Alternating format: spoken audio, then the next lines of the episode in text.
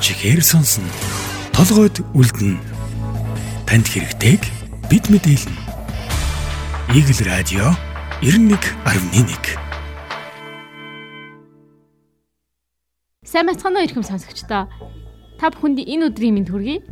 За, эдийн засгийн талаарх мэдээллийг хүргэдэг хідвэ нэвтрүүлгийн маань ээлжидний дугаар хэлж байна. Өнөөдөр би та бүхэнд За 9 дугаар сар гарч ийн. Ерөнхийдөө бас ингээд 9 10 11 дугаар сар гэдэг бол Монгол улсын эдийн засгийн хувьд их чухал сар байдаг. Ягаад тэгэхээр энэ сард бид төсвөө одоо бидний эх оны 2023 оны нийгмийн бодлогыг, эдийн засгийн бодлогыг тодорхойлдог төсөв хилцдэг ийм үе байдаг. За 9 дугаар сарын 15-ны дотор бол сангийн яам засгийн газар төсвийг өргөн барих хэвээр төсвийн төслийг өргөн барих хэвээр байдаг. Одоо дараагийн оны. За улмаар засгийн газар хилцээд за хилцснийхээ дараа бол улсын хурлд өргөн барьдаг. За улсын хурл бол хилцээд 11-ээс 11-р сарын 15-наас өмнө бол заавал одоо тухайн эх оны улсын төсвийг одоо батлах ёстой. Ингэж батлсан төсвөөр бид 2023 оныхоо эдийн засгийнхаа нийгмийн бүх амьдралын одоо бүх нийгмийн асуудлаа шийддэг хідэн сургууль хаана барих уу, хідэн цэцэрлэг барих уу, хідэн эмнэлэг барих уу. За яаж зам тавих уу, хаана хаана айл аймагуудад зам тавих уу гэд бидний өдөр тутамтай холбоотой асуудлуудыг бол яг энэ үед шийддэг. Тэр утгаараа бол 11-р сар за мөн 10-р сар бол Монголын нийгэм эдийн засгийн үед маш чухал сар байдаг. Тэгэхээр төсөв хилцэж байгаатай холбоотойгоор энэ төсвийн одоо их сарууд эхэлж байгаатай холбоотойгоор үзэгч танд иргэн танд бас яг энэ төсөвтэй холбоотой мэдээлэл хүргье гэж бодлоо. Ер нь төсөв гэд ингээ ярихаар иргэдийн хувьд бол надад хамаагүй юм шиг юм ойлгох их том тоо их хол юм зүйл гэж ойлгодог. Гэтэл энэ бол бидэнд хамгийн их хамаатай бидний өдөр тутмын амьдралд хамгийн хэрэгтэй энэ асуудлуудыг яг энэ хилээд байгаа усын төсвөр шийддэг Тийм учраас бас энд анхаарлаа хандуулж явах хэрэгтэй байдаг. За одоо тухайлах юм бол гээд аваад үзэх юм бол манай хүүхэд одоо цэцэрлэг сургуульд ороход энийг юугаар барьдгүй улсын төсвөөр барьдаг. Тэгэхээр таны хүүхдийн цэцэрлэгт явах, таны хүүхд сургуультай байх, таны хүүхд одоо эмнэлгийн за мөн одоо боловсролын за одоо үйлчлэгийг авах. За гэрээсээ гараа явлаа танаа байрны хажууд зам тавих замын төгжрөл гэдэг ингээд энэ бүх асуудлууд өөрөө төсөв шийддэг төсвийн одоо бодлогоор хэрэгждэг юм зүйл байдаг. Тийм учраас та бүхэн ч гэсэн эх саруудад бас энэ төсөвтэй холбоотой ямар асуудлыг хилцэж чинь юу хийх чинь гэдгийг бас иргэнийхээ хувьд за мөн энэ төсвийг бүрдүүлж яадаг татвар төлөгчийн хувьд анхаараасай гэж хүсэж байна. За энэ эх оны төсвийг хилцэхээс өмнө бид бас энэ оны төсвийг хилцэх нь дүүтэй. Тэгэхээр 2022 оны төсвийг яг жилийн өмнө бас засгийн газар улсын хуралд өргөн барьж байсан. За энэ төсөв бол одоо ямар хуу нөхцөл байдалтай байгаа вэ? Ер нь энэ төсөв бодлого үнэхээр хэрэгжиж чадсан уу гэд энэ асуултанд та бүхэн бас хариулъя. Ирээдүйн тухай ярихаас өмнө одоогийн нөхцөл байдлыг бас одоо хэлье гэж бодсон. Тэгэхээр Монгол улсад 2022 оны төсвийг баталсан. Батлаад 1-р сард одоо шууд батлаад энэ төсөл хэрэгжиж их хугацаа 1 2 дугаар сард энэ төсвийг тоттогсон. Өөрөөр хэлэх юм бол дахиад төсвийн бодлого өөрчилсөн. За энэ бол тэтгэр тэтгэмж нэмэгтэй холбоотой. За удалгүй дахиад тоттогсон. Тэгэхээр энэ жилийн төсвийн хувьд юм бол хоёр удаа тоттогсон, тоттгол орсон ийм төсөв байгаа. За ер нь бол анханасаа одоо төсөв хилцэж явах үед өнгөрсөн оны мөн үед гэсэн үг эдийн засгчид бас энэ төсвийг шүүмжилж байсан. Ер нь бол маш өндөр зарлахтай, орлогыг маш өөдрөгөр одоо төсөвлөсөн, төсөөлсөн ийм төсөв байсан гэж. За энэ ч одоо яг л эдийн засгчны хэлснээр болж одоо бид нэр энэ жилийн дунд үед яах аргагүй тодтохоос өөр аргагүй болж зарим одоо зарлагуудаа, зарим зардлуудаа тансан. За нэг ийм төсөв бол өргөн баригдсан. За одоо төсвийн гүйцэтгэл ер нь ямар байгаа вэ гэдгийг харах юм бол энэ оны 8 дугаар сар буюу одоо ил тод одоо олон нийтэд ил болоод байгаа 8 дугаар сарын байдлаар гэх юм бол төсвийн орлогын биелэлт нь бол нэг 98% таа байгаа. Тэгэхээр бид одоо юу гэдэг нь нөгөө уул уурхаан түүхий дэ экспорттой холбоотойгоор нөгөө яг авн төс орно гэж тооцож байсан орлого маань дутахгүй гэж ийм айдас байсан.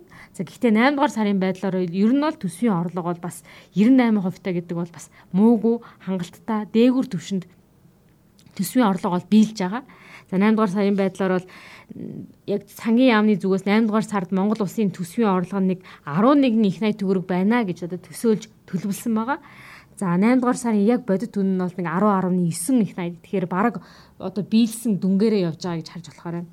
За гítэл зарлагын хувьд гэдэг аваад үзэх юм бол зарлагын биелэл харьцангуй орлогын биелэлтээс доогор байгаа. Өөрөөр хэлбэл зарлагын биелэлт бол нэг 84% таа байгаа. Тэгэхээр зарлага яагаад гарахгүй байна?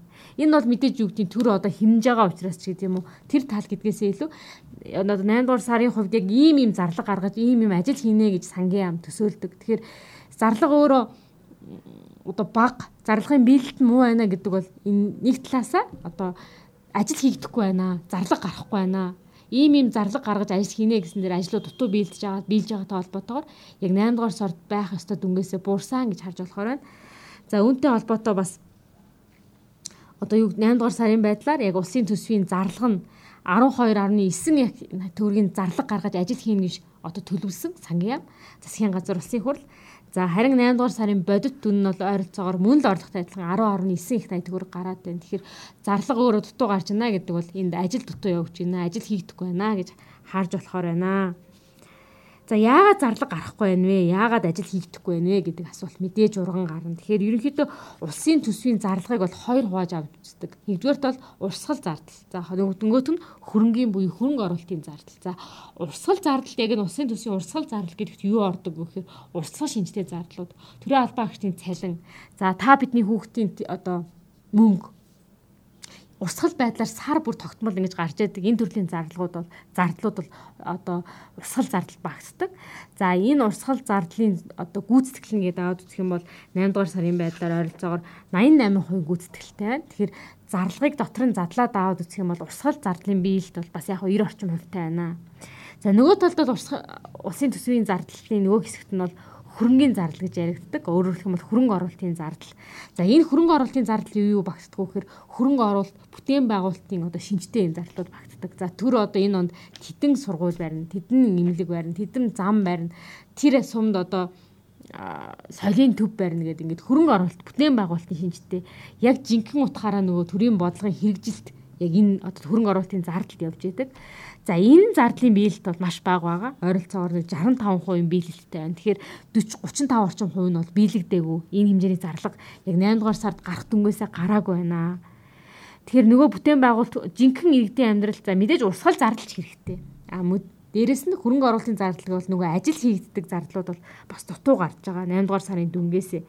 Тэгэхээр энэ дээрээс яалчгүй яарчлах шаардлагатай байна. Тэр үнэхээр бодлохоороо ийм ийм барилга барина, ийм ийм сургууль цэцэрлэг барина гэдэг ингээд шийдсэн бол энэ зардлаа яг тэр төлөвсөн хугацаанд гаргаж явах хэрэгтэй. Тэгэхээр энэ бол биелдэггүй байна гэдэг бол мэдээж хэрэг ажил удаашралтай байгааг харуулж байна. А гэхдээ бас нөгөө талаас төсвийн тухай хуулинд ямар заалт байдаг вэ гэхээр одоо яг энэ хөрөнгө оруулалтын зардлыг болохоор одоо гүйцэтгэлээс нь хамаардаг.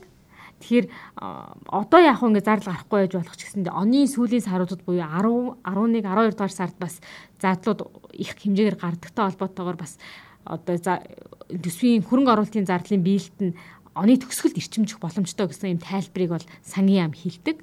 А гэхдээ ерөнхийдөө ерөнхий дүнгээр нь аваад үзэх юм бол ажил бас удаашралтай байна гэж бас харж болохоор байна. За ялангуяа энэ хөрөнгийн зардлыг дотор нь бас хувааж авч үздэг барилга байгууламжийн одоо зардал за мөн их засвар тоногт хөрөмж гэх мэт ийм одоо дотор нь хувааж авч үздэг за эдгээр одоо яг энэ хөрөнгө оруулалтын зардлыг одоо бүтээж байгаа одоо бий болгож байгаа энэ дид дид зардлуудын хувьд хэм бол ер нь 40-оос 60% гүйцэтгэлтэй байгаа. Тэгэхээр ерөнхийдөө хэдийгээр яг энэ оны төгсгөлд эрчимжнэ гэж сангийн яам тайлбарладаг боловч ер нь энэ хөрөнгө оруулалт бүтээн байгуулалтын зардал бол яг 8 дугаар сард байх дүнгээсээ ч бага байна. За мөн одоо оны одоо нийт жилийн дүнгээрээ ч гэсэндээ ер нь дутуу гүйцэтгэлтэй байна гэж харж болохоор байна. За улсын төсөв бол ерөнхийдөө иймэрхүү байна. Тэгэхээр бас ажил хийгдэхгүй байна гэж харж болохоор байна. За энэ дээр маш олон шалтгаан байгаа. Нийслэлийн төсөв дэвш төр улсын төсөв дэвш төр олон олон шалтгаан үүнд хамаатай байгаа. За үүний нэг шалтгаан гэх юм бол зарим одоо барилгын компаниуд бас тендерт оролцохгүй байгаа. Тэгэхээр ер нь бол барилгын компаниуд маань одоо улсын төсвийн хөрөнгө оруулалтаар хийж байгаа барилга бүтээн байгуулалтын ажлуудад тендерт оролцож одоо сонгон шалгуурлалтанд оролцож энэ төрлийн ажлуудыг хийдэг. Ингэж ингэсээр ирсэн. За өнгөрсөн жилийн хувьд ч тэр энэ жилийн хувьд бас зарим барилгын компаниудын нөхцөл байдал хүндэрч байгаа. За энэ юунтай холбоотой вэ гэхээр барилгын материалын үн хаш маш их огцон өссөн. За бараг 2-оос 3 дахин цементийн үн өсөж байна. За арматурын үн өссөн гэд. За ингээд барилгын одоо материалуудын үн өсөд эхлэхээр өнгөрсөн онуудад яг нь усын төсвөр ингээд барилга бариад эхэлсэн компаниуд бол нөгөө усын төсөв дээр тооцсон дүнгээсээ өндөр үнийн дүнгээр барилга барьсан. Ягаад тэгэхээр барилгын материалын үн өөрөө өндөр болсон. За дээрэс нь энэ барилгын материалуудыг авах нөгөө хугацаа уртссан гайл хил гайлаас болоод 4 сард авна гэжсэн зүйл нь 6 сард идэг ч юм уу. Ингээд санхүүгийн хүндрэлд орсон. За барилгын компаниуд ялангуяа нь усын төсвөр барилга барьдаг компаниуд бол үн өссөн учраас ингээд зөрөө гарсан. Төсөв дээр нэг 300 тэрбум төгрөгөөр барилга барина гэж тусцсан.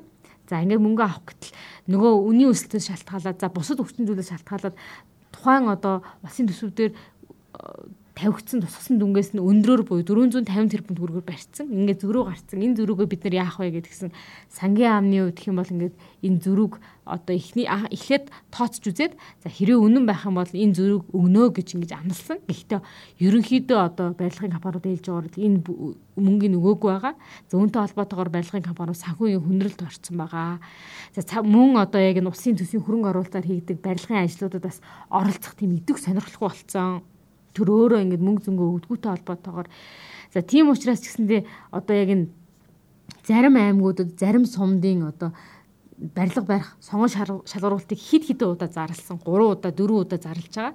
А гэхдээ компаниуд оролцохгүй байгаа гэсэн ийм мэдээллүүд ч гэсэн байгаа. Тэгэхээр үүнтэй холбоотойгоор бол бас яг энэ улсын төсвөр хэрэгждэг хөрөнгө оруулалтын ажлууд, бүтээн байгуулалтын ажлууд удаашрч байна гэдгийг барилгын компаниудаас мэдэгдэж байсан. За сангийн яамны зүгээс ялангуяа сангийн дэд сайдын зүгээс бас үнийг өгөөсгөөгүй Тэгэхээр одоо чинь Монгол улс чинь ингээд бас бүтээн байгуулалтын улирал маш богинохонтой 9 9-р сар 10 дугаар сар гээд хүүтний ирч чангараад эхэлдэг. Барилга бүтээн байгуулалтын ажил явах боломжгүй болдог. Тэгэхээр оны үлдэж буй хугацаанд төсөв дээр суулгасан ажлуудаа хийх шаардлагатай байна. Төсөв гэдэг бол өөрөө нэг талаас төлөвлөгөө байдаг, нөгөө талдаа хууль байдаг. Засгийн газар ийм ийм ажлуудыг бид энэ онд хийнэ гэд ингээд төлөвлөгөөгөө боловсруулад улсын хуралд одоо өргөн барьдаг улсын хурал түүнийг баталдаг. Тэгэхээр улсын хурал буюу Монгол улсын хууль тогтоох дээд байгууллага баталж байгаа гэдэг утгаараа яалтчгүй энэ бол хууль. Тэгэхээр хууль гэдэг утгаар нь энэ төсвийн одоо гүйцэтгэлийг сайжруулах шаардлагатай байгаа хууль хэрэгжил. Гэтэл энэ хуулийн хэрэгжилд 8 дугаар сарын байдлаар бол сайнгүй байна. Тэгэхээр цаашдаа ч гэсэн бас одоо энэ энэ оны төсвийн хэрэгжилтийг сайжруулах шаардлагатай. За мөн одоо бид бас тун утахгүй сангийн амны зүгээс засгийн газрын зүгээс улсын хуралд шин одоо оны төсвийн төслийг өргөн барина. Тэгэхээр энэ төсвийн төслийг өргөн барих гэсэндээ бид бас анхаарлаа хандуулж явах шаардлагатай. Энэ жилиг шиг бас юм одоо сайнгүй төсөв өргөн бариад тэр нь оны үед хит хит дахин удаа хөндөгдөд хит хит дахин удаа өөрчлөгдөж тотгож байдаг ийм асуудал гарч байгаа учраас энэ дээр ч гэсэн хаа хаана анхаарах шаардлагатай байгаа. За сангийн амны зүгээс бас төсвийн шинжтэй одоо өөрчлөлтийг шинжилгүүдийг хийж байгаа. Энэ шинжилгүүдийг сайжруулах шаардлагатай байна. За мөн одоо бас яг бодит хөрсөндөө буусан ийм төсвийн төсөөллийг өргөн барих хэрэгтэй байна. Та бүхэн бас сонссон баг тийм ээ. Өнгөрсөн онд ихэд нүүрсийг маш их хэмжээгээр гаргана гэж ярьсан. Гэхдээ бол энэ дүнгээ гаргаж чадахгүй гэдгээ одоо мэдгдсэн учраас оны дунд үед бас нүүрсний нөгөө гаргана гэж экспортлон гэж хэмжээгээ бууруулсан байх ширээ. Тэгэхээр бодиттой байдлаар бас энэ төсвийн одоо төслийг өргөн барих хитрхи өөдрөгөр өргөн барихгүй байх шаардлага тулгарч байна. За ер нь дэлхийн нийтийн нөхцөл байдал өөрөө бас их хүнд болж байна. Энэ хэрээр маш их эрсдлийг одоо тооцсон ийм төсвийн төслийг өргөн барих болов гэж одоо сангийн яамны зүгээс найдаж байна. За тэгээд төсөв өргөн барих, төсөв хилцэх ийм хугацаа ойртож байгаа та төсвийн сарууд эхлэх гэж байгаатай холбоотойгоор иргэн танд төсөв бүрдүүлдэг одоо үзэгч сонсогч танд татвар төлөгч танд зориулдаг төсөвтэй холбоотой мэдээллийг хүргэлээ. Та бүхэнд хавд байсныг баярлалаа.